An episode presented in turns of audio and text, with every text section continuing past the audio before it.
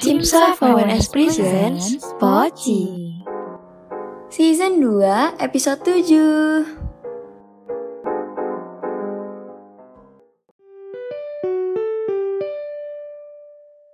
Halo teman-teman para pendengar setiap Poci Kembali lagi di Poci edisi Meet Our Figure Masih bersama narasumber keren kita Mas Bisuk di episode sebelumnya, kita udah bahas tentang official lokal dan nasional dari Cimsa.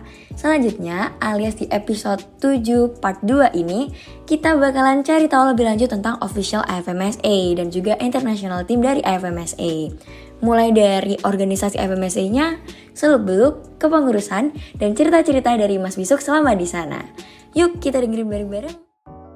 Oke, mungkin aku izin lanjut nih Mas untuk mulai bahas tentang FMSA yaitu ada tentang international team dan juga team of officialnya gitu ya. Tapi sebelumnya aku izin nanya dulu mulai dari hal yang dasar dulu lagi. Jadi mungkin uh, kebanyakan member atau mungkin teman-teman di sini tahunya itu sekadar Cimsa itu berafiliasi dengan FMSA kayak gitu. Mungkin belum banyak yang tahu emang sebenarnya maksud dari berafiliasi ini kayak gimana tupoksinya atau mungkin mendetailnya kayak emang apa sih hubungannya gitu. Nah mungkin dari Mas Bisuk boleh diceritakan nih Mas biar teman-teman makin ngerti. Ya, siap. Um, jadi afiliasi yang dimaksud adalah CIMSA sebagai bagian dari AFMSC, bagian resmi dari AFMSC.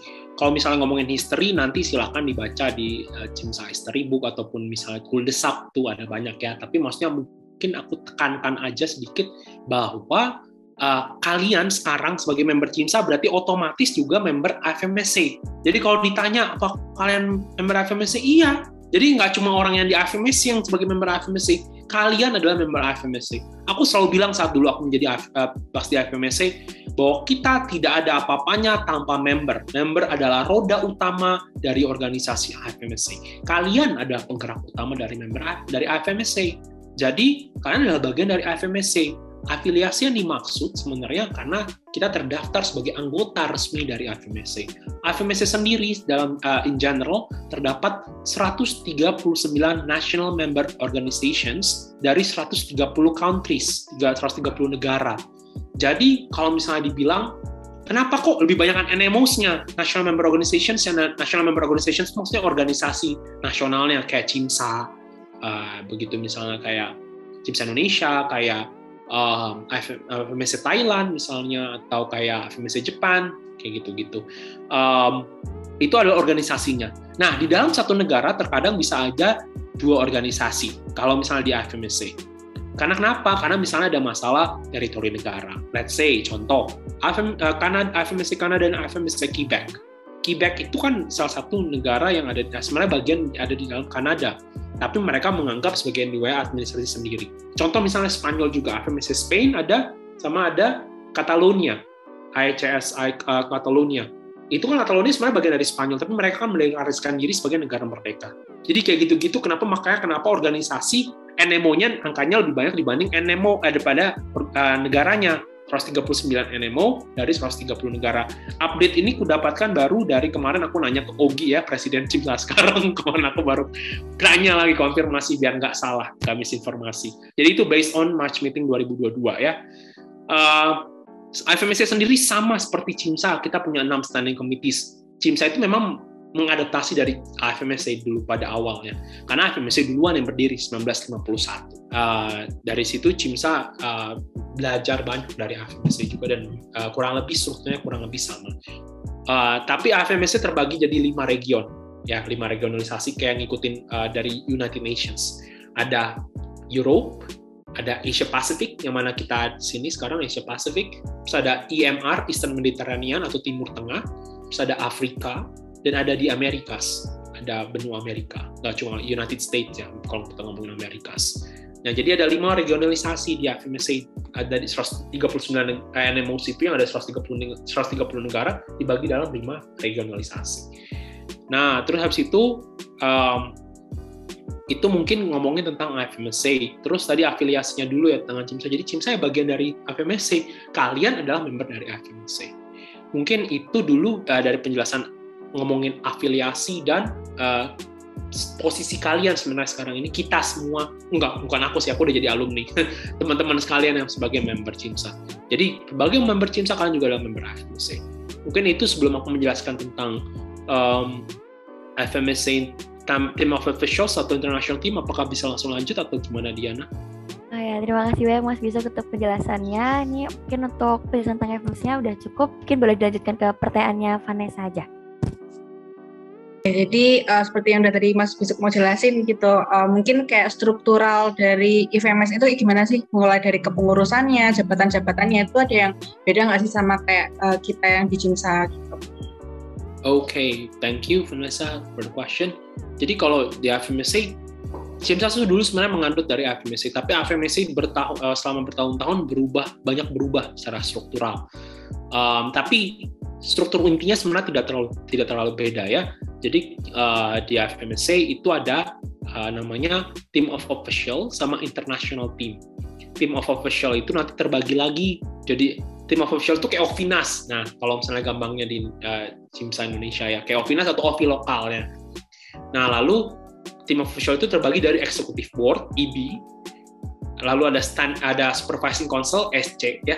Kita panggilnya SAPCO kalau di FMSA terus ada standing committee director atau kalau di lokal namanya local officer atau di nasional namanya national officer.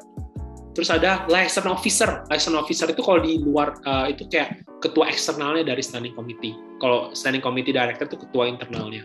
Liaison officer based on standing committee. Jadi setiap standing committee punya uh, liaison officer yang masing-masing. Tapi ditambah ada liaison officer buat WHO buat World Health Organization. Jadi kita kalau elaborasikan lagi executive board, executive board itu ada presiden, ada vice president for member, vice president for member, ada vice president for external affairs, vice president for finance, vice president for publication and relation communication, PPPRC, ada yang vice president uh, uh, VPM, VPA, VP uh, oh ada VPCB, Vice President for Capacity Building. Jadi ada enam kurang lebih struktur di executive board. Itu berbeda kan kalau di CIMSA kita kita cuma punya VPE, VPI internal, eh, internal, eh, eksternal, VPF, finance, uh, ya uh, sama sekjen ya kan, sekretari general. Ah kalau di FMS itu ada tadi uh, presiden sama kayak presidennya kita tapi ada VPI sama kalau VPI nah VPI-nya mungkin kita sebutnya VPM kalau di sana uh, member. Tapi yang beda tuh ada VPPRC VPA activity kayaknya tadi aku belum sebutkan. VPA sama ada um, VPCB nah itu yang berbeda sebenarnya. Karena kalau di Indonesia kan nyebutnya VPA itu ya PDD atau kalau di kalian mungkin di lokal PC atau PD manggilnya program director atau program coordinator eh atau project coordinator di lokal aku. Kalau di lokal program eh project coordinator mas. Project coordinator ya PC nah ya uh, project coordinator tuh kayak kalau di sana VPA jadi vice president. Uh, terus dari situ tadi uh, vice president for capacity building tuh HRDC ya kalau di sana ya. HRDC itu kayak uh, HRDD-nya Cimsa Indonesia. Nah, kalau di sana jadi vice president juga.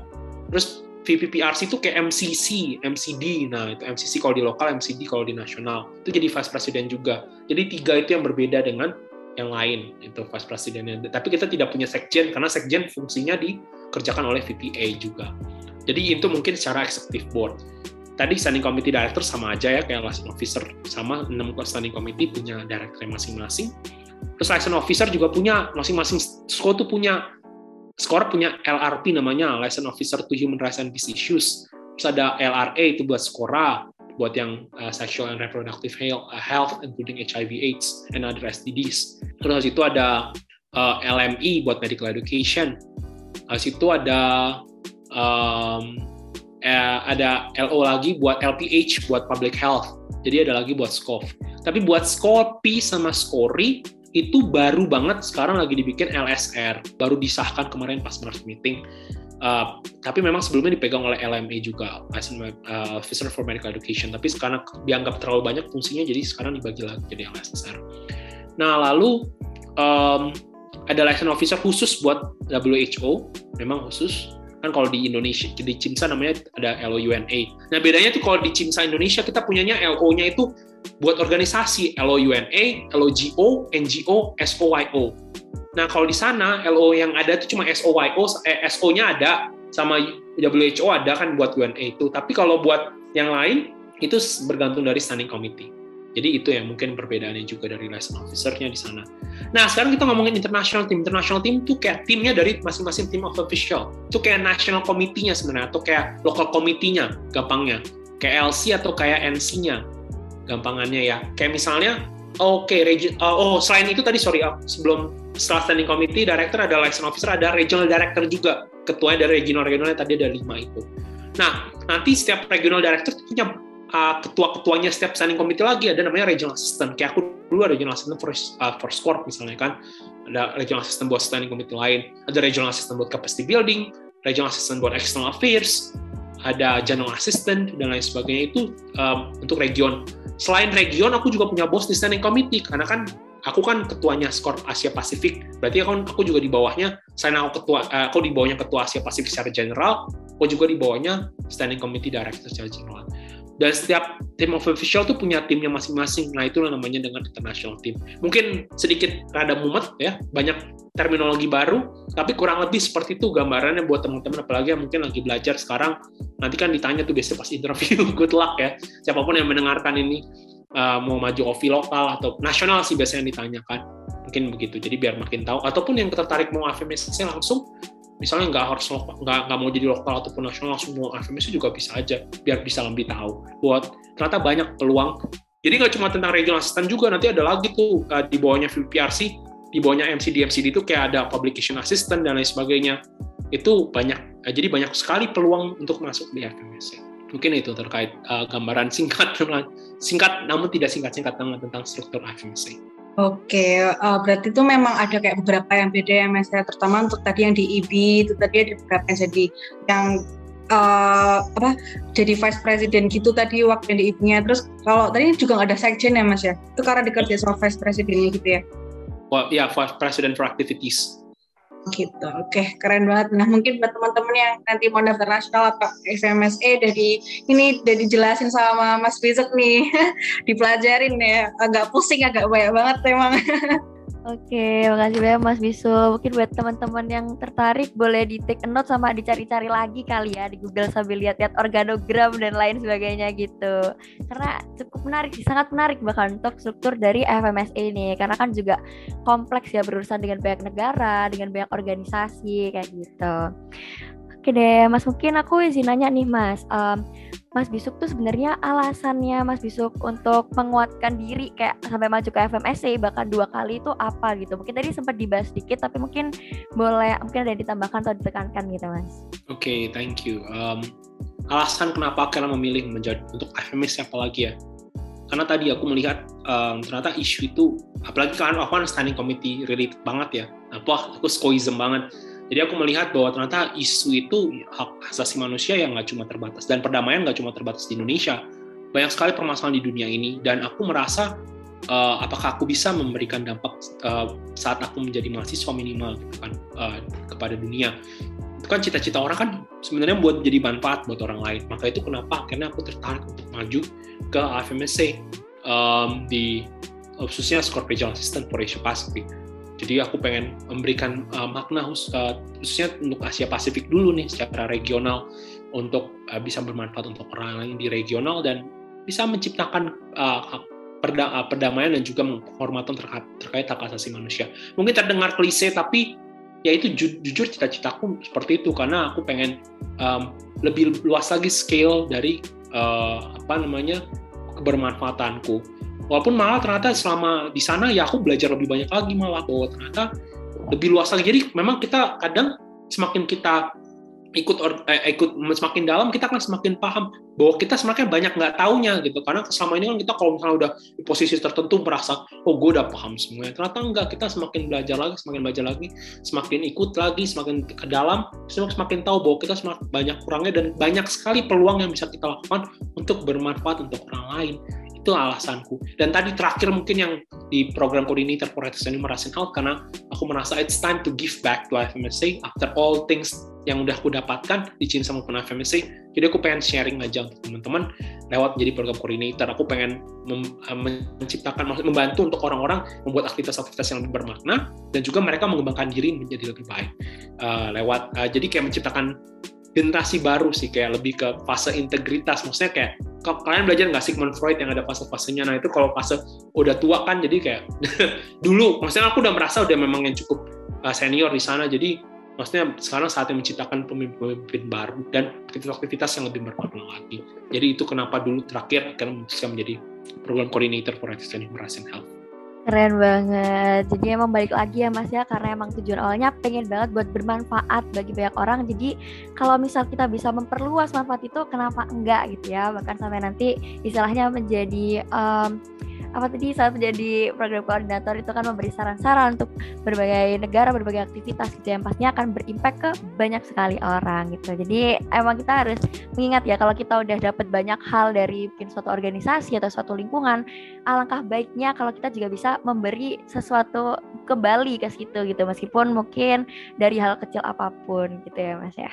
Oke, tadi kan uh, Mas Bisuk jelasin kalau Mas Bisuk tuh jadi program koordinatornya FMSE ya Mas ya juga tadi jadi regional assistant uh, Scorp FMSE. Nah mungkin bisa jelasin nggak sih Mas ranah kerjanya tuh apa? Jadi kayak ngapain aja gitu kerjanya? well, oke. Okay. Um, pertama mungkin Scorp Regional Assistant for Asia Pacific sebagai ketua dari Scorp Regional Assistant Asia Pacific, eh, sebagai ketua Scorp Asia Pasifik gitu uh, kerjanya adalah memastikan bahwa semua nasional, uh, semua NMO dari SCORP itu Asia Pasifik bisa berkembang dengan maksimal, bisa aktif. Uh, lalu kalau yang belum aktif bisa kita aktifkan, jadi kayak proses observer. Tapi di IFMS itu kita nggak punya proses observer, jadi kita bisa aktifin aja. Jadi kayak mulai, aku ingat banget dulu aku mengaktifkan beberapa ya, um, Kyrgyzstan, Afghanistan, apalagi dulu. Uh, lalu ada yang sempat mati jadi hidup lagi Kazakhstan misalnya atau ya Kazakhstan kayaknya dulu. Situ ada um, apa lagi ya? Aku rada lupa uh, ada beberapa pokoknya NMO kita bagaimana mengaktifkan yang belum aktif gitu yang belum aktif dan menghidupkan kembali yang sudah mati dan mengoptimalkan yang uh, yang awalnya kayak tertidur gitu kayak misalnya FMS Thailand dulu tertidur. Jadi aku bang aku senang kalau misalnya memang mereka sudah jadi mandiri dan bisa uh, malah malah uh, bermanfaat buat tadi melakukan hal sesuatu yang luar biasa untuk negaranya minimal. Uh, itu yang jadi kebanggaan buat kita sendiri. Jadi kita kayak mengembangkan semua NMO NMO uh, lewat aktivitas-aktivitas aku juga dan dan tadi uh, ranahnya lebih ke mengerjakan kalau aku sih juga melakukan campaign juga regional dulu pas aku jadi uh, Scorp Regional Assistant. Lalu aku juga part of uh, Scorp International Team, yang artinya aku juga sebagai Sessions Team uh, saat uh, match March meeting dan August meeting memastikan bahwa session-session saya berjalan dengan lancar dan aku juga salah satu yang mengisi sesi. Uh, aku juga memimpin saat Asia Pacific uh, Week waktu itu pas untuk yang Scorp Sessions sebagai pemimpinnya di situ. Um, lalu ya memastikan juga untuk Scorp strategi-strategi strategi yang terbaru. Aku juga ikutan dalam penulisan policy documents dulu. Uh, jadi IFMS kan punya policy documents yang yang Cimsa uh, ikut, yang Cimsa coba implementasikan juga kan policy documents. Dulu aku memimpin juga dua tim dulu pas penulisan policy documents di IFMSC. Uh, ikutan SWG Small Working Group juga. Bahwa ternyata di FMS itu nggak cuma kita tentang kerjaan kita yang itu doang, kita bisa ikutan kerjaan-kerjaan lain dan benar-benar bisa uh, belajar banyak dari situ dan juga uh, membantu orang juga lewat situ. Um, lalu ya itu sih kalau misalnya untuk Corp Regional Assistant ya for Asia Pacific. Program coordinator lebih ke kita uh, jadi konsultan dari jadi activity coordinator biasanya nanti ngekontak aku baik via email ataupun WA ataupun apa pun sosial media lainnya nanti mereka akan konsul oh aktivitasku gini gini gini gini gimana? Apakah ada perlu uh, revisi dan lain sebagainya? Lalu uh, apa namanya untuk uh, misalnya ngisi-ngisi materi itu juga sering dilakukan saat menjadi uh, FMSC ya dua-duanya sih saat jadi supervision assistant maupun dari uh, program coordinator itu ngisi-ngisi materi. Um, lalu uh, memastik apa namanya biasanya lebih ke sharing-sharing juga dan mengisi itu ada program enrollment. Nah kalau kalian ikutan nah dan ikutan ini meng-host activity sphere, activity sphere yang kayak waktu itu kayak pernah ikutan ya Cimsa Awareness tuh. Kalau nggak salah dulu pernah ikutan juga activity sphere sama RCA juga. Nah RCA RCA itu itu juga kerjaannya program koordinator RCA yang uh, Rex Crossley Awards nah itu jadi kerjaannya pas saya di program koordinator. Kurang lebih seperti itu sih. Lebih ke banyakkan administratifnya kalau program koordinator dibandingkan regional system. Kalau regional system kayak ngekondak monthly meeting buat norep dan lain sebagainya lebih seru banyak banget ya mas uh, pekerjaannya itu. Nah itu kalau misalnya ini kan berarti ranahnya internasional. Itu kalau misalnya ada mau pertemuan sama um, mungkin uh, pengurus-pengurus lain tuh apakah juga kayak keluar negeri atau emang dari dulu tuh ada web meet ada uh, melalui web meeting gitu sih mas? Iya kita ada uh, international meetingnya itu dua kali setahun namanya March meeting sama August meeting dan ada regional meetingnya sendiri. Kalau kita kan Asia Pasifik ada Asia Pacific Regional Meeting. Tapi kalau monthly meeting ya kita pasti akan online. Kita via online lewat Google Meet, lewat Zoom dan lain sebagainya. Jadi tetap melakukan itu. Uh, baik di internasional maupun saat aku uh, maksudnya regional juga kayak gitu kalau aku memimpin NORP ya pasti akan uh, bikin monthly meeting juga terus ada bahkan aku bikin uh, apa four monthly meeting buat members. Dulu aku bikin acara buat members juga online meeting Asia Pacific. Gitu. Berarti dulu Mas Bisik juga berarti sempat keluar negeri juga nih Mas buat ngurus IFMSA ini? Ya lumayan. Oh, ke mana aja nih Mas? Mungkin bisa ceritain gitu pengalamannya. Well, uh, to be honest, saat aku menjadi AFMSA dulu tengah-tengahnya COVID. Jadi waktu itu pas jadi AFMSA itu yang sempat aku datangin malah sebelum aku jadi AFMSA saat aku menjadi Norep. Dulu pertama paling ikut pertama kali pas aku udah menjabat jadi Norep adalah Asia Pacific Regional Meeting Korea 2018. Dulu sebagai itu masih jadi udah jadi Norep tuh baru tahun-tahun baru awal banget tuh aku masih baru ngirim email introduction ke mana-mana gitu sebagai Norep uh, dulu ikutan itu sebagai partisipan aja. Setelah itu March meeting 2019 uh, ya 2019 di Slovenia. Dulu aku sebagai session team itu belum jadi FMC tapi udah jadi norep kan jadi session team dulu lanjut situ. Habis itu um, nextnya aku ikut yang di Hong Kong aku sebagai session team juga pas aku masih dari norep itu Asia Pacific Regional Meeting uh, PRM. Nah habis itu barulah uh, itu kan aku baru terpilih menjadi Scorp Regional Assistant. Itu kan aku jadi uh, Scorp Regional Assistant for Asia Pacific itu aku pilih bulan September. Nah, baru aku bisa ikut lagi international meeting saat March meeting 2020 di Rwanda, Afrika. Nah, di Rwanda, Afrika itu baru uh, acaranya juga yang March meeting. Nah, setelah itu kan COVID. Habis Maret, Maret 2020 kan. Itu kan udah udah udah online semua. Akhirnya aku ikut uh, August meeting uh, 2020 online pas aku maju score director itu yang maupun kalah lalu aku maju ikut lagi itu jadi session team juga. Terus pas March meeting 2021 ikut lagi session team karena kan program coordinator for ethics and human health juga part of Scorp International Team. Bagian dari Scorp International Team jadi juga masih part of session team member. Terus aku juga masih ikut August meeting 2021 jadi terakhir yang aku ikutin adalah August meeting 2021 tapi masih online uh, karena uh, itu masih covid. Jadi ya itu mungkin untuk international meeting yang aku pernah ikut. Lalu untuk APRM dulu zamanku pas jadi Score Regional Assistant for Asia Pacific tuh dulu uh, sempat ditunda juga karena COVID. Jadi kami bikin Asia Pacific uh, Academy dulu. Uh, itu ya Asia Pacific Week atau Academy ya, aku lupa. Week kayaknya. Itu akhirnya uh, ya itu aku mimpin jadi ketuanya Scorpnya pasti karena di Asia Pasifik. Tapi itu online juga sayangnya karena tidak bisa karena udah COVID dulu. Jadi itu mungkin sih kalau misalnya cerita tentang international meeting yang aku pernah ikuti. Oke, berarti waktu uh, pas udah di FMS itu malah pas tengah-tengah COVID ya Mas ya, jadi lebih kebanyakan online meeting gitu ya? Ya, tapi lumayan lah udah ikutan, pernah ikutan empat kali international meeting yang in person. Keren sih, sampai bisa keluar negeri gitu. Dayan nih, kayaknya pengen nih nanti juga. Amin. Waduh, oke, makasih ya Mas Bisuk tadi untuk kita ceritanya. Um, tadi kan udah dijelasin nih kayak sebagai RE atau Regional Assistant Corp ngapain aja, sebagai PC atau Program Koordinator ngapain aja, dan juga uh, bisa ikut international meeting gitu ya buat uh, apa namanya kalau menjabat di FMSC mungkin nih teman-teman tergoda nih buat ke luar negeri gitu.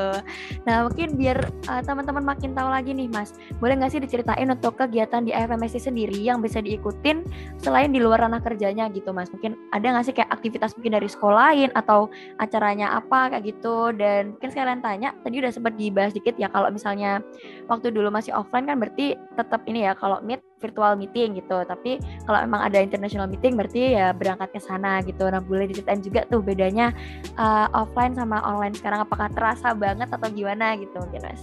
Wow wow. Very interesting questions. Ah jadi bikin ini ya apa namanya nostalgia. Pertanyaan pertama tadi berarti tentang um, apa namanya aku ingatnya cuma langsung yang kedua doang lagi. Yang pertama tadi tentang apa? Sorry po ini apa kerjaannya ya eh, peluang-peluang opportunities yang ada di FMS ya.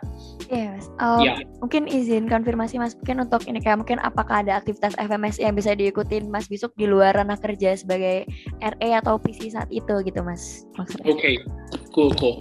Um, banyak sekali ya opportunities dari FMSC yang bisa diikuti. Kalau dulu mengaca dari aku ya tadi kayak policy document itu kan external activity sebenarnya. Policy documents dulu aku membuat dua policy documents, memimpin dua tim policy documents juga dulu dari koordinatornya.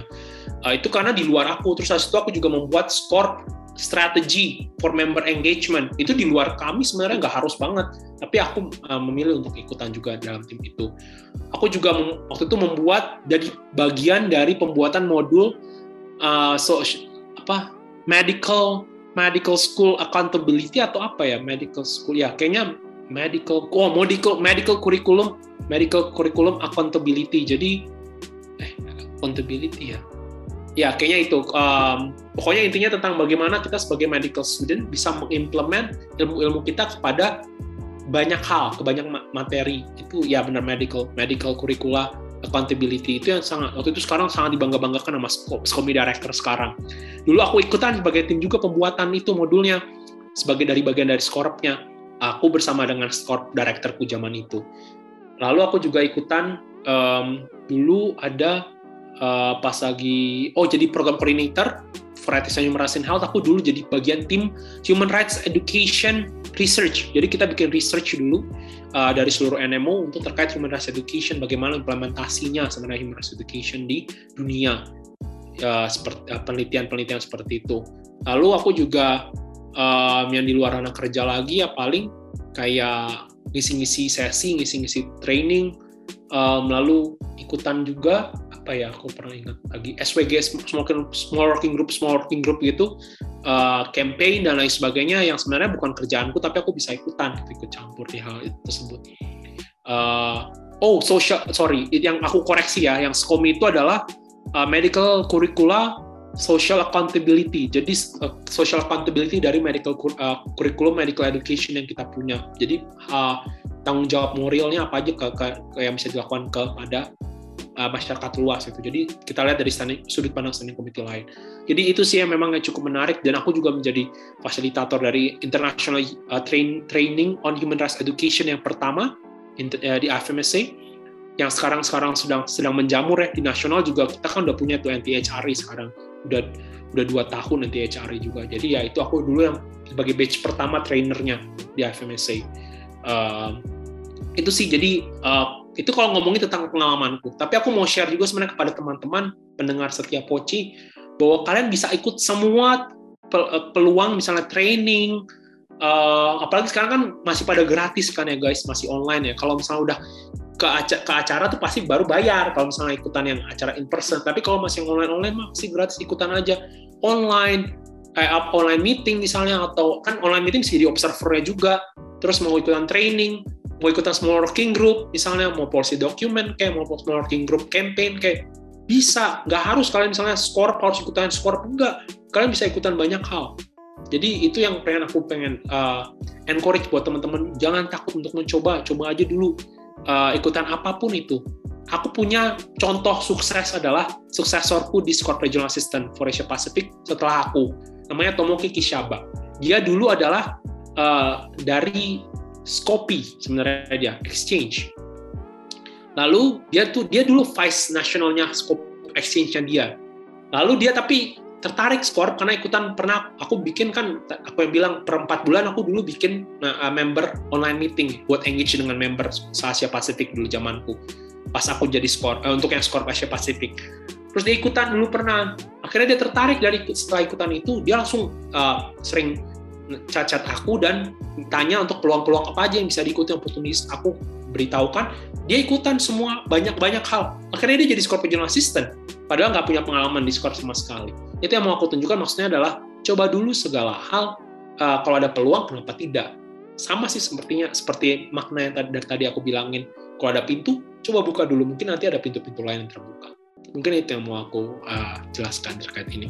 Oke, berarti sebenarnya kurang lebih sama kali ya Mas, kayak dirasain sama teman-teman member yang sekarang ada di lokal gitu. Kayak jadi FMS juga sama, kita tetap bisa untuk mengambil peluang-peluang uh, dari mana pun, dari sekolah mana pun, atau aktivitas mana pun, bisa ikut kontribusi, mungkin ikut campaignnya, bahkan jadi apa ikut buat modul, mungkin kalau di lokal bisa bikin bantu poldocs kayak gitu-gitu ya Mas ya. Jadi pokoknya uh, gimana pun kita itu balik lagi ke diri kita sendiri kitanya mau nggak untuk ngambil peluang itu gitu ya karena tempatnya pasti memfasilitasi banyak banget peluang yang bisa diambil Yes, betul sekali. Oh iya, aku tadi kayak kelupaan jawab yang kedua yang kedua ya. Oh, ya. Bedanya offline dan online. Oh, anyway, aku mau bilang bahwa yang menarik itu nggak cuma ke luar negeri, tapi kalau jadi Cimsa Ovinas juga kalian bisa keliling-keliling Indonesia. Dulu zamanku ya.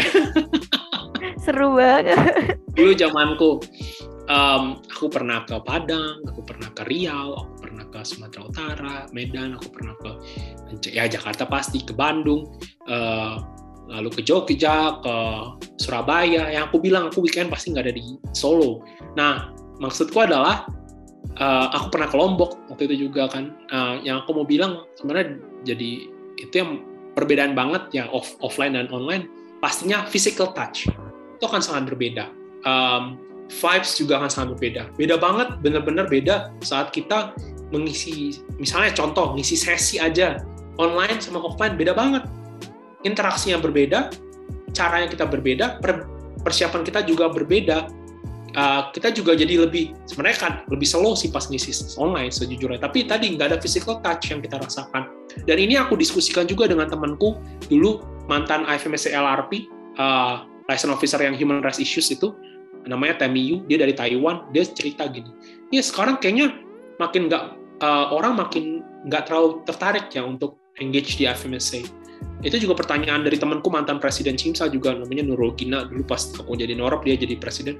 Ya kayak orang sekarang makin banyak yang tertarik ya ke Cimsa menurutku permasalahan utamanya mungkin karena uh, sense of belongingnya berkurang karena jarang bertemu dengan orang-orang dan merasakan sendiri atmosfernya. Jadi kayak merasa oh I'm not uh, gue bukan maksudnya kayak nggak punya kepemilikannya lebih kurang gitu. Walaupun udah jadi OVI misalnya kalian nggak pernah ketemu beda banget loh guys. Ini uh, five national meeting pas national meeting ketemu itu beda sekali dengan yang sekarang gitu. Uh, serunya bisa interaksi dengan orang langsung ngobrol dan lain sebagainya. International meeting juga apalagi international meeting beda banget. Dulu aku sempat ngerasain pas zaman zaman masih pakai Discord kan pas udah yang baru-baru awal tuh pergantian pas online sekarang mereka udah hybrid mereka cerita cerita teman-temanku yang kemarin baru ikutan March meeting ya mereka habis party-party dan lain sebagainya. Kan kalau pas Discord mana bisa itu cuma online kayak gini gini dengar-dengar lagu doang. Nah itu contoh salah satunya doang maksudnya. Maksudnya kayak on, uh, uh, physical touch terus itu juga bagaimana kita bisa berinteraksi langsung dengan orang. Kita ketemu langsung dengan orangnya aja. Kan beda rasanya ya. Oh uh, kita langsung ketemu bule misalnya. Istilahnya nih gampangannya. Bule selama ini mungkin kita merasa minor kayak aduh ih keren banget mereka boleh enggak selama ini guys ternyata kita lebih kita juga seimbang dengan mereka dan kita bahkan bisa aja lebih pintar dari mereka dan lain sebagainya. Maksudnya tapi kita jadi bisa merasakan juga oh beda gitu. Maksudnya gaya gaya berbicara dan lain sebagainya. Tapi sebagai perbedaan itu membuat kita indah dan kita jadi bisa belajar juga bagaimana bisa berinteraksi dengan orang yang berbeda. Jadi itu sih mungkin yang sangat terasa sekali uh, perbedaan online dan offline ya pastinya physical touch dan sense of belonging to be honest. Karena kalian nggak merasakan pasti belum merasakan. Uh, dia pernah nggak sih kalau Diana udah pernah national meeting langsung offline? Belum pernah mas. Sedih. Belum pernah ya? Iya. dua ya sekitar dua tahun ini masih full online sih untuk national meetingnya Cimsa lagi Vanessa makin nanti lah ya. Nggak pernah juga ya. Nah ya itu kalau jadi serunya itu juga sih paling kayak bisa uh, ketemu dengan orang lain langsung dan pasti beda rasanya. Tapi ya dengan keterbatasan seperti ini tidak masalah, itu sudah hal yang baik mendekatkan kita juga lewat seperti ini. Tapi tadi kalau mungkin kalau kita bisa bikin podcastnya langsung ketemu langsung juga akan beda pressure-nya gitu. Kayak oh ini intimidating nih orang ternyata kalau ketemu gitu. Bisa aja. Sedikit berbeda kurang lebih. Gitu. Mungkin itu mungkin cerita-cerita lucu-lucu aja ya kalau misalnya perbedaan dari offline dan online Oke, jujur setuju banget sama cerita-cerita Mas Bisuk tadi. Emang kayak beda banget gitu lah rasanya apa ya kayak rasa keseruannya terus itu juga berdampak ke sense of belonging yang kita rasain. Kalau misalnya online gitu mungkin beberapa orang kan ada yang mungkin Zoom atau web meeting fatigue gitu ya. Jadi terus sebenarnya caranya seru udah berusaha dibikin seseru mungkin tapi pasti uh, secara individu kita merasa kayak aduh capek banget ngeliatin laptop kayak capek banget harus gini-gini segala macam padahal kalau offline tuh pasti seru banget karena kita langsung berinteraksi bercimsaria ber-FMS area gitu kan yang kerasa banget sih tapi mas. ada capeknya sih jujur gimana mas? kalau acaranya langsung ya ada capeknya juga kayak cimsa apalagi kalau udah May meeting ya itu kalau um, karena banyak sih presentasi banyak. Sebenarnya bukan gara-gara yeah. bilang malam tapi karena presentasi banyak. Kalian online aja kan udah capek ya apalagi kita pas lagi on apa on site gitu kayak ada ada. Sampai udah tepar dah hari-hari terakhir tuh udah tepar. Apalagi kalau jadi kandidat. Waduh, capeknya, mohon maaf bunda, kalau jadi kandidat, capek banyak ya, capek hati, capek pikiran, capek fisik. Tapi itu itu yang serunya, maksudnya. Tapi uh, bukan yang apa-apa, bukan suatu hal itu bukan suatu hal yang negatif tapi maksudku itu suatu pengalaman yang uh, menyenangkan juga. Di FMSC juga pasti ada capeknya karena ya kita langsung harus datang datang datang gitu ke acara. Jadi ada capeknya juga secara fisik tapi kadang kita jadi senangnya juga dan punya tadi sense of belonging dibandingkan. Kalau online gini kan bisa santuy bisa ambil bobo-boboan misalnya kalau udah capek itu mungkin banyak plus minusnya Iya bener banget plus minusnya banyak cuma emang mungkin kalau offline jadi ya capek tapi worth it gitu ya mas ya kayak dapet banget itu rasanya serunya Oke deh, bentar. Um, oh ya, aku penasaran ini sih mas. Tadi kan Mas Bisuk bilang ya, kalau misalnya jadi Ovinas, sering tuh jalan-jalan gitu ke kota-kota itu gimana sih mas ceritanya? Kayak emang ada jadwal untuk lokal visit atau gimana gitu mungkin? Oh, kalau aku dulu tipenya aku nggak pernah mau bikin lokal visit uh, dari uh, anggaran skorp enggak. Aku nggak pernah uh, menggunakan anggaran skorp sama sekali untuk keperluan kepergianku um, bagaimana ya lalu kalau misalnya aku pergi-pergi itu ya memang karena misalnya attending acara. Misalnya sebagai speaker let's say uh, speaker di office nah kalau di sekarang kan kalian mau jadi speaker kan online aja bisa kan? Kalau yeah. dulu sebagai speaker ya kita harus datang ke tempatnya itu misalnya dulu aku ingat aku paling sering tuh dulu malah ke Surabaya sama Jogja. Nah itu yang paling sering datangin karena Unair dulu hobi banget ngundang uh, acara-acara sama UGM juga. Um, dulu Unair bahkan aku pernah ngisi acara Stadium Generale. Itu ngajar jadi ada uh, kayak berapa dua dua ratusan orang kalau nggak salah dulu. Kita perwakilan dari CIMSA dan waktu itu ada pembicara dari Amerika juga dan um, uh, ngomongin tentang human trafficking ya uh, kita salah satunya. Dan juga dari Uni aku juga pernah waktu itu yang ke UNICEF itu yang paling ber UNICEF dan Bappenas dulu bikin acara kita sebagai perwakilan satu-satunya mahasiswa yang ada di sana. Aku bersama Shirley dulu LO UNA ku um, kita jadi pembicara bersama dengan pem, pem, pembicara penting-penting tuh ada apa namanya ada bagian dari uh, DKI Jakarta aku lupa dia Kadinkes atau apa eh, kepala dinas apanya gitu pokoknya. Pokoknya ngomongin tentang dulu air pollution and children's right and Children's Health dulu zaman kita dulu. Uh, dari dari UNICEF dan lain sebagainya. Itu cukup menarik. Maksudku adalah dulu keliling-keliling itu bukan lokal visit. No. Aku nggak aku nggak suka lokal visit. Aku tidak pernah melakukan lokal visit. Kalau lokal visit pasti akan teleponan biasanya lebih ke itu dan online uh, atau video call. Um, karena nggak mau buang-buang duit. Itu kan dulu uh, duit kan kita tanggung jawaban sama orang ya tanggung jawaban sama sama organisasi. Jadi aku nggak pernah pakai sama sekali. Kecuali memang yang yang punya alokasi kan dulu kalau nggak salah VPI uh, eh, presiden. Nggak tahu ya kalau aku kurang tahu juga kalau mereka kayak seingatku kayaknya ada atau enggak tapi kalau aku nggak pernah uh, aku lokal visitnya pas lagi acara-acara aja. Jadi bisa pas ini ketemu sama lorpnya siapa misalnya aku lagi di daerah mana ketemu lorpnya mana. Aku lagi ke Bandung misalnya ada acara juga. Nanti aku akan ketemu sama lorpnya uh, Unpad, loroknya Unisba dan lain sebagainya. Misalnya kayak gitu-gitu sih. Jadi cukup menariknya dan Cimsa membuat kita punya teman di mana saja. Dulu aku lagi jalan-jalan di Medan aja, aku ngupdate dikit langsung, eh jalan besok. Oh iya, yo, jangan ketahuan kalau lagi pergi tuh saking ramahnya maksudnya anak-anak cinta tuh langsung ngajak. Jadi eh, enaknya kita ke mana-mana aja sekarang masih ada teman.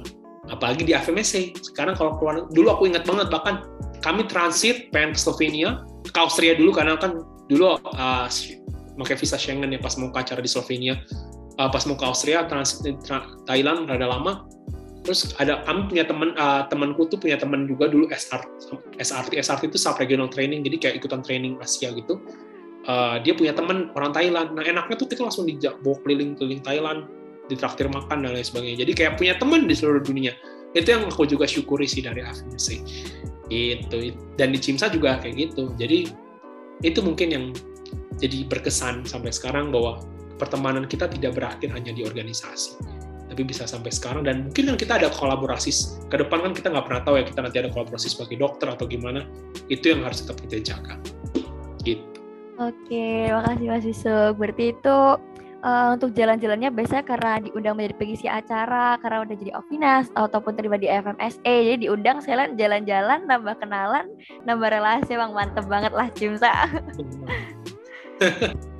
tapi emang kerasa banget ya mas ya. Uh, terutama kayak terkait pembicara acara-acara gitu antara online dan offline tuh sangat terasa. Kalau online kan kayak ya udah kita join zoom aja gitu. Kalau offline pasti ada akomodasi dan lain sebagainya. Terus juga kalau dari segi trainingnya itu menurut saya juga kalau orang zoom ya kita nggak ada yang tahu kan itu di balik layarnya ngapain gitu. Tapi kalau offline kita benar-benar bisa berinteraksi langsung. Mungkin itu yang kerasa ya mas ya. Betul sekali Oke, mungkin uh, kita lanjut ke pertanyaan selanjutnya ya Mas ya. Kalau uh, mungkin kan ini dari beberapa pendengar udah ada yang pengen nih maju ke FMSE atau kayak masih maju mundur gitu. Mungkin dari Mas bisa sendiri ada nggak sih kayak rekomendasi gitu buat teman-teman uh, gimana nih daftar FMSE atau enggak nih gitu?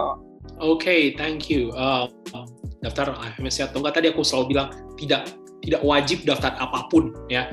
Kalian mau apa pilihan kalian hidup kalian. Tapi uh, kalau misalnya untuk mendaftar AVMSC tadi coba konsiderasi dulu luruskan dulu niat kalian punya lihat yang lurus biar nanti selama perjalanannya tidak mabuk nah enggak pas lagi tengah-tengah perjalanan negara yang kalian cari sebenarnya bukan itu gitu. jadi coba kenali dulu diri kalian kenali organisasi yang kalian mau itu misalnya kalau AVMC, AVMC coba kenali AVMC, kenali diri kalian, cocok nggak kalian kayak gitu dengan kerjaan seperti itu? Siap nggak kalian menerima konsekuensi nggak cuma tentang hal-hal baik, tapi aja hal-hal yang memang mungkin harus kalian korbankan dari hal tersebut begitu. Siap nggak kalian menerima itu? Kalau misalnya kayak waktu belajar kalian berarti makin berkurang, siap nggak kalian berkorban diri untuk belajar juga saat orang lain bisa tidur, saat orang lain bisa istirahat, saat orang lain bisa main misalnya. Siap nggak kalian seperti itu? Maka itu cari yang passion kalian biar kayak kalian sambil bekerja sambil bermain sambil menikmati mungkin sambil kalian nggak nggak kayak sepaneng sendiri. Gue kerja kerja kerja. Ah enggak. Aku nggak pernah tuh berpikir kayak dulu sepaneng sepaneng. Orang bilang capek nggak lu pernah burnout? Nggak jujur tidak tidak terlalu. Menurutku tidak tidak uh, burnout tidak. Uh, khususnya pas aku udah mulai di tahap nasional internasional ya. Tidak sama sekali karena itu yang aku cari uh, itu yang aku harapkan dan aku sudah siap dengan konsekuensi yang memang aku pengen cari uh, aku aku aku uh, apa akan hadapi. Jadi itu mungkin sih uh, tips juga untuk teman-teman yang mau maju, mau FMS, mau CIMSA. Tadi sudah aku ceritakan banyak mungkin manisnya, ada juga pahitnya, tidak aku tidak aku tampik banyak juga pahitnya, tapi itu semua sudah aku siapkan dulu diriku bahwa memang konsekuensi itulah yang harus aku ambil. Bahkan oke okay, aku cerita satu hal contoh. Aku dulu nyampe mundur wisuda karena ikutan international meeting. Tapi bukan aku mundur kuliah ya, aku mundur wisuda karena wisuda hanya syarat menurutku.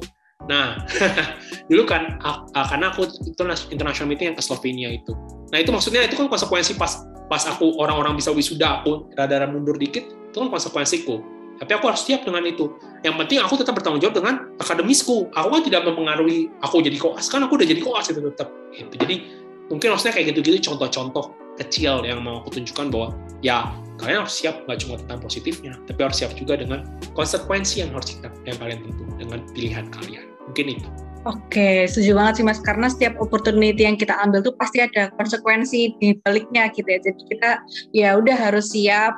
Uh, pertama tuh memang harus sesuai passion dan yang kedua tuh kita harus siap uh, terhadap konsekuensinya gitu. Jangan sampai di, di tengah jalan kaget loh kok gini gitu. Ntar malah jadi beban atau jadi rugi ke diri sendiri dan juga rugi buat organisasinya gitu. Oke, mungkin kita next ya Mas ya sekarang uh, tentang kayak persiapan dan perjalanan selama menjadi official CIMSA dan IF, dan IFMSA International Team.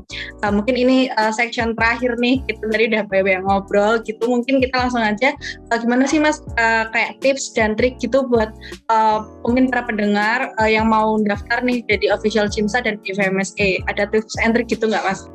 Yes, aku punya tiga tips and trick yang sudah aku siapkan nih buat pendengar setiap poci um, terkait tips and trick dalam persiapan dan perjalanan selama menjadi OV ataupun international team ataupun apa pun itu ya. Pertama, jangan lupa tujuan utama kita adalah menjadi dokter. Nah, itu yang paling utama, paling pertama. Uh, artinya, maksudnya kalian boleh aktif di mana pun, tapi pertanggungjawabkan kalau bisa, kalau bisa tetap sesuai dengan jadwal yang memang kalian punya gitu. Jangan jangan uh, kecuali memang kalian sudah diskusi dengan orang tua, oh kalian memang tujuannya uh, mungkin ada mengejar karir di uh, apa namanya non klinis dan lain sebagainya boleh aja itu fine fine aja itu punya kalian itu pemahaman kalian sendiri tapi selama kalau kalian masih punya mau cita-cita jadi dokter jangan lupa tujuan utama kalian menjadi dokter. Bertanggung jawab karena nanti kalian adalah satu-satunya orang yang akan berhadapan dengan pasien kalian. Tidak ada yang bisa membantu. Kalian one on one dengan pasien kalian dan nyawa mereka bertanggung jawab tanggung jawabnya kita. Itu juga harus dipahami ya. Jadi maksudku adalah implikasi dari situ apa? Bahwa kita harus bisa ber uh, tetap belajar dan tetap bisa apa namanya beristirahat, menjaga diri untuk diri uh, menjaga diri kita dan bertanggung jawab dengan tanggung jawab kita itu menjadi dokter. Artinya saat orang lain, saat kita bekerja, belajar dan harus tidur dan makan, orang lain cuma punya uh, misalnya punya kewajiban belajar, makan, tidur, let's say gitu misalnya. Berarti kan kalian punya satu hal yang kelebihan nih, kerjaan. Berarti ya kalian harus bisa mengkompensasi itu dengan misalnya orang lainnya saat lagi orang lain bisa istirahat ya kita bisa bekerja dan bisa sambil belajar misalnya kita jadi bisa menghargai lebih banyak waktu itu tapi jangan lupa untuk istirahat juga karena itu juga penting. Jadi pokoknya work life balance semua itu harus bisa dilakukan ya pertama. Itu jangan lupa tujuan utama. Yang kedua jangan lupa membuka diri untuk segala peluang yang ada lihat pintu yang terbuka di depan kamu pelajari apakah pintu itu memang yang tepat buat kamu atau tidak dan cocok untuk diri kamu. Kalau memang tepat, buka. Jangan melihat banyakkan pintu yang lain. Belum tentu pintu-pintu itu juga tertutup nantinya. Bisa aja kamu buka pintu itu, bisa membuka pintu-pintu yang sebelumnya kamu pikir akan tertutup. Mungkin itu. Itu yang kedua. Yang ketiga, luruskan niat kamu saat maju apa pun ataupun melakukan tugas apa pun. Karena utamakanlah tujuan untuk melayani sesama, bukan untuk pride sendiri atau untuk uh, cuma untuk kebanggaan nama besar atau CV karena itu akan membuat kamu lelah di tengah-tengah nantinya. Ya saat kamu merasa oh gue udah punya pride sekarang terus what's next? Gitu misalnya gue nggak butuh sebenarnya kerjaan. Tapi itu akan membuat capek. Tadi seperti aku setuju banget Vanessa dan Diana juga bilang itu bisa akan merugikan orang organisasi orang lain dan diri kita sendiri. Jadi mungkin itu tiga tips and trick yang mungkin selama dari dari tadi udah aku omongkan tapi aku pengen garis bawahi lagi dan pengen aku highlight tiga tips utama selama apa yang membuat aku bisa berjalan sampai sekarang. Dan semoga bisa jadi uh, aku juga tetap konsisten dalam meraih cita-cita juga dengan tips itu karena itu nggak cuma tentang di organisasi tapi itu juga bisa untuk kehidupan selanjutnya gitu mungkin Keren banget Mas Bisu. Makasih banyak nih Mas untuk tips and triknya. Jadi mungkin aku izin buat mengulang atau menyimpulkan ya. Ada tiga tadi. Yang pertama, jangan lupa tujuan utama kita tuh buat jadi dokter gitu. Jadi jangan lupa sama tanggung jawab itu. Karena kita juga kan uh, istilahnya apa ya bertanggung jawab atas ke kayak orang tua, ke diri kita sendiri, ke kampus kita kayak gitu. Terus yang kedua, lagi ada peluang tuh dibuka dulu gitu. Kalau udah yakin kayak oh emang passion aku di sini nih, yang lanjutkan gitu ya. Kemudian yang ketiga, kalau misalnya udah maju tuh harus diluruskan niatnya jangan cuman buat pride aja buat gengsi aja buat CV aja tapi harus benar-benar dijalankan dengan sepenuh hati jangan sampai nanti tiba-tiba melenceng atau istilahnya kayak ya agak lepas gitu ya jadi harus bisa mempertanggungjawabkan nih apa sih yang dipengenin ya dijalanin sampai selesai dan sebisa mungkin bermanfaat untuk banyak orang di start kita oke mungkin aku lanjut nih mas Uh, jadi selama menjabat begitu di lokal, nasional ataupun di FMSA pasti kan ada nih mas kayak ups and down gitu ya. Mungkin entah itu hambatan pekerjaan atau mungkin hambatan uh, yang berhubungan secara intra interpersonal atau bagaimana mungkin boleh diceritakan dan gimana sih cara Mas Bisuk mengatasinya gitu. Oke, okay, um, selama itu memang sangat uh, apa sangat menarik adalah hubungan manusia ke manusia. Nah itulah saat organisasi ya, itu yang sangat paling tricky justru menurutku di organisasi. Bukan outcome justru, kalau outcome yang ada permasalahan ya kita bisa tackle dengan plan A, plan B, plan C. Kalau di organisasi uh, saat apa uh, punya berinteraksi dengan orang lain itu yang sangat berbeda karena kita harus melihat dulu background mereka juga, kita harus pahami juga bahwa pendekatan kita satu dengan orang yang lain berbeda.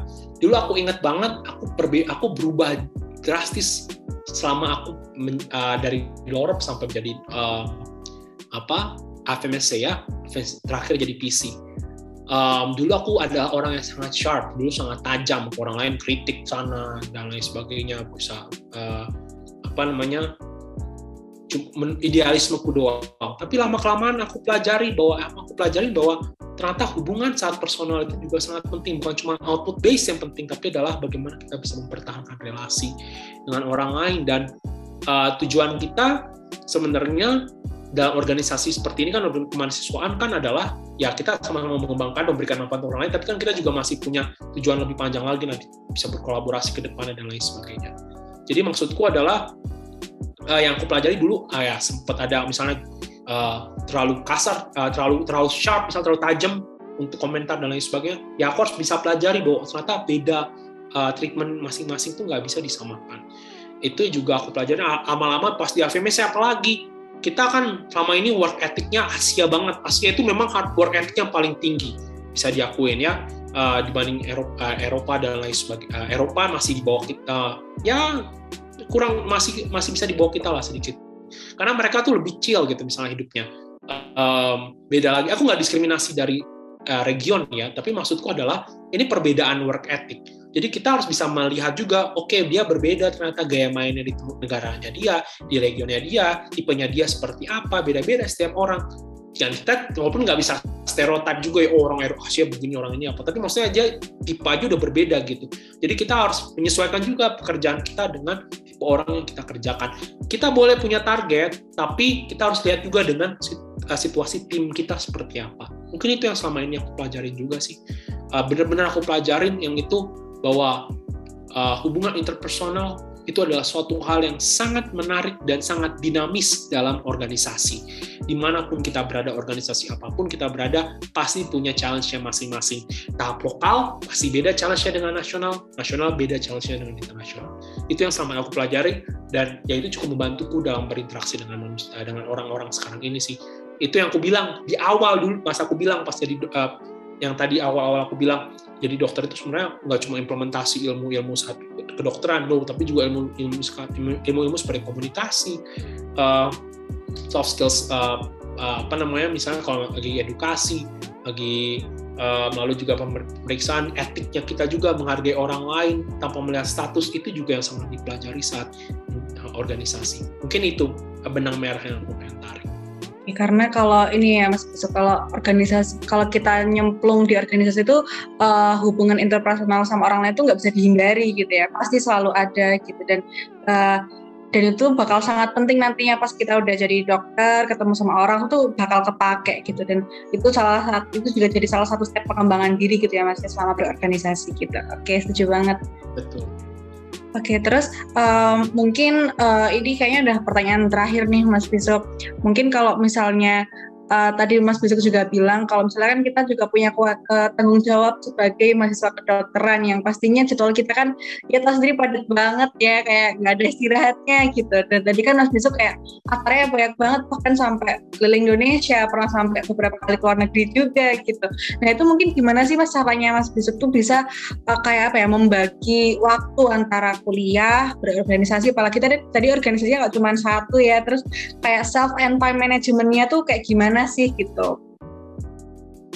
Setiap orang punya gayanya masing-masing. Tolong dicatat itu dulu. Uh, mungkin nanti orang-orang kan kayak oh, coba ban samakan dengan kerjaan uh, dengan dia seperti apa gimana gimana no nggak nggak harus sekali kita sama ya kita bisa mengimplement yang penting kita core-nya dong didapat bahwa sebenarnya self discipline is a must itu yang paling utama itu mungkin yang paling perlu dicatat nanti kalau mau implementasinya sama dengan aku mau beda silahkan ya teman-teman pendengar coaching tapi kalau aku dulu caraku adalah ya tadi aku akan membuat jadwal.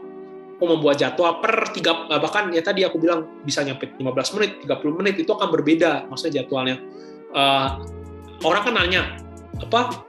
Lu nggak nggak stres apa kalau misalnya nggak nggak melakukan apa gas uh, uh, kepadatan begitu jadwalnya? Aku malah bilang aku akan stres kalau aku tidak punya jadwal. Kalau aku tidak jelas hidupku kamu bisa tanya orang tua aku betapa stresnya aku saat aku lulus pas sudah pos UKM PPD belum masih nunggu pengumuman. Tapi karena belum masih nunggu pengumuman tuh belum bisa bergerak apa apa maksudnya mau magang mau apa. Dari situ aku malah stres karena nggak bisa nggak melakukan apa apa akhirnya aku les IELTS dulu online. Karena itu karena aku pengen cari kesibukan. Karena tipenya aku kalau misalnya nggak e, melakukan sesuatu malah jadi stres gitu. Tapi ya beda-beda tiap orang.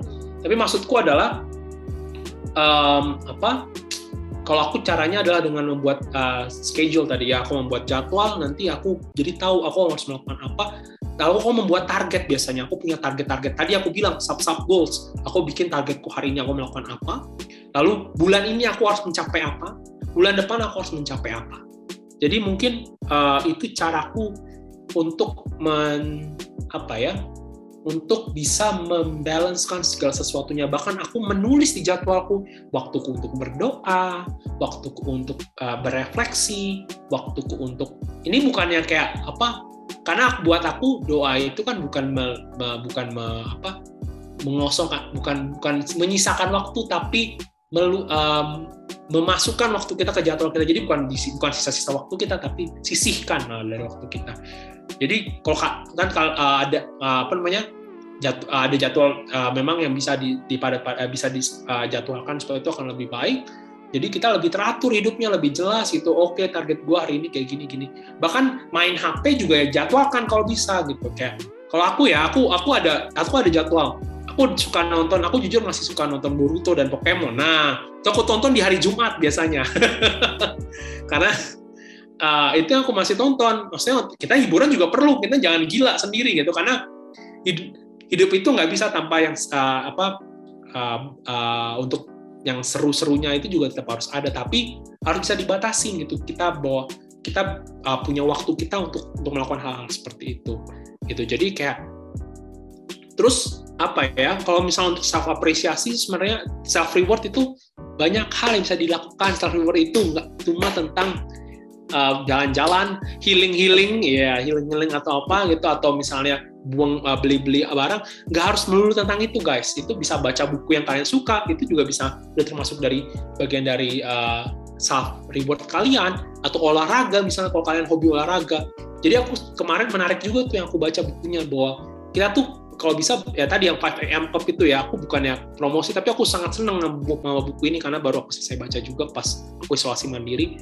Bahwa kita kalau bisa bangun jam 5 pagi uh, own your morning elevate your life.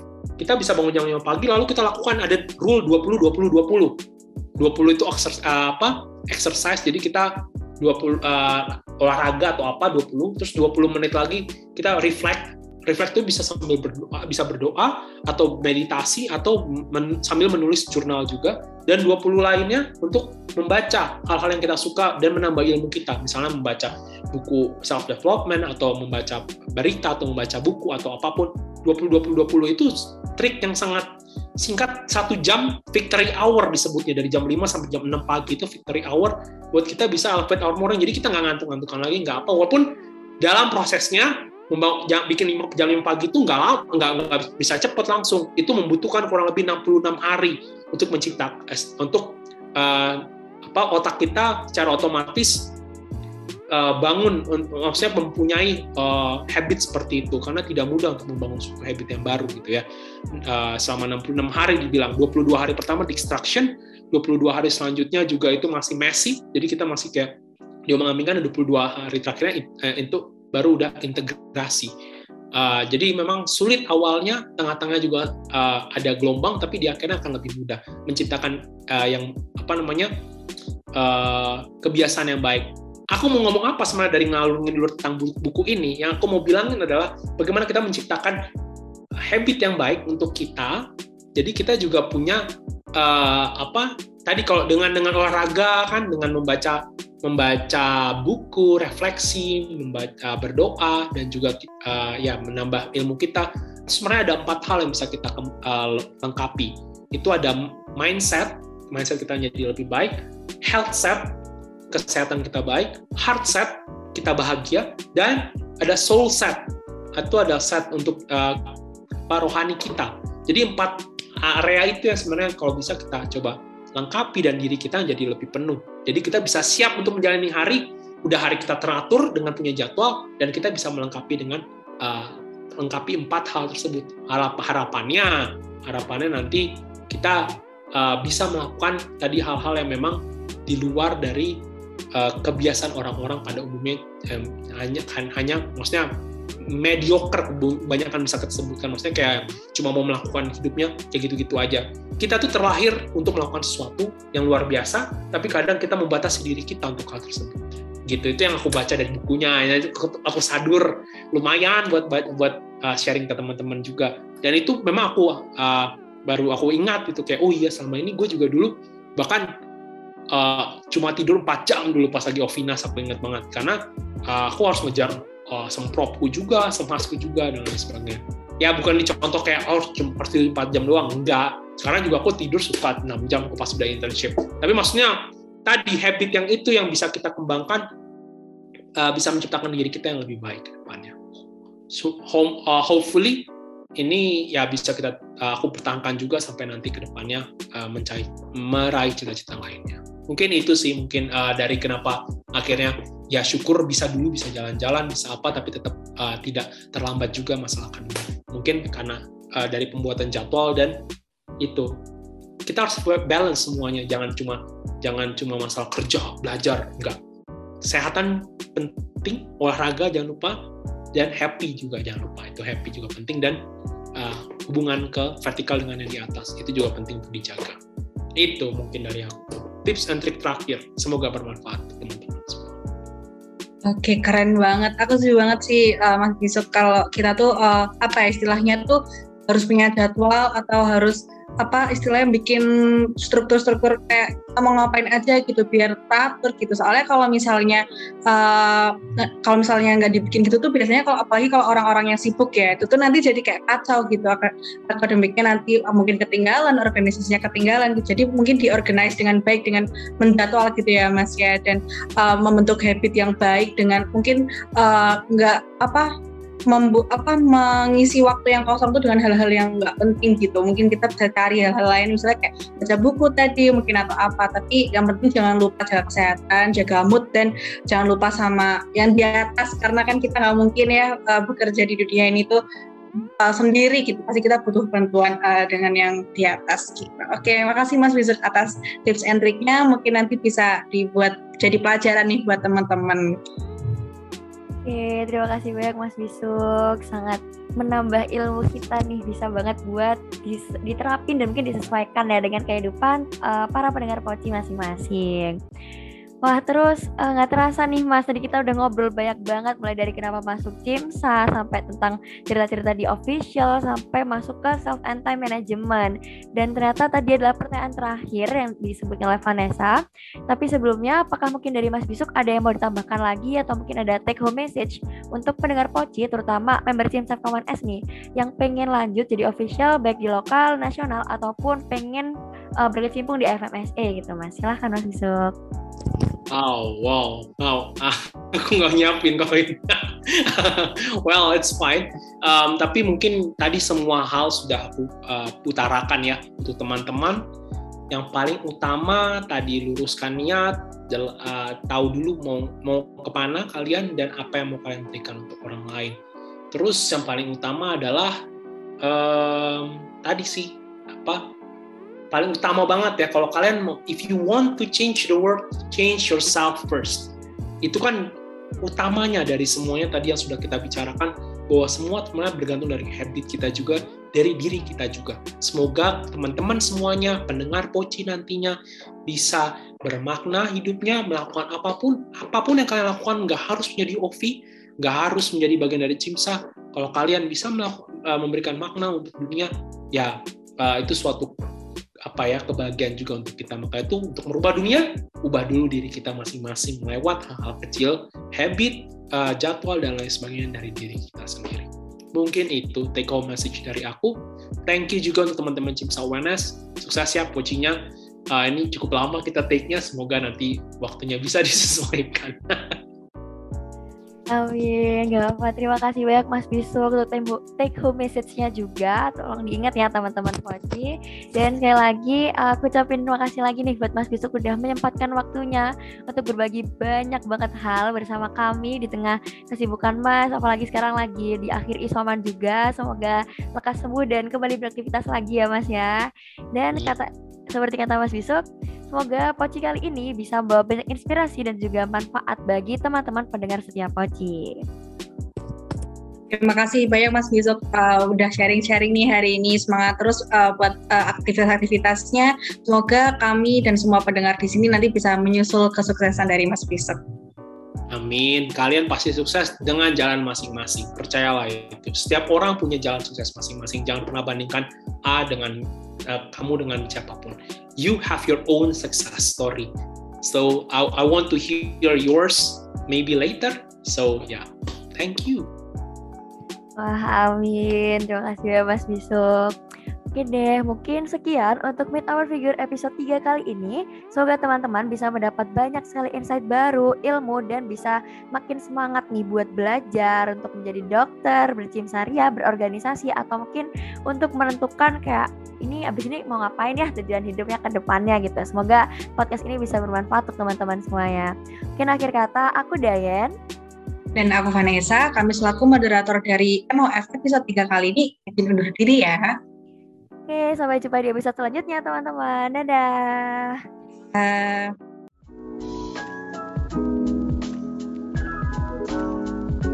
Thank you for joining us on Pochi. And also, be sure to tune in for our next episode. CHIMSA, empowering medical students, improving nation's health.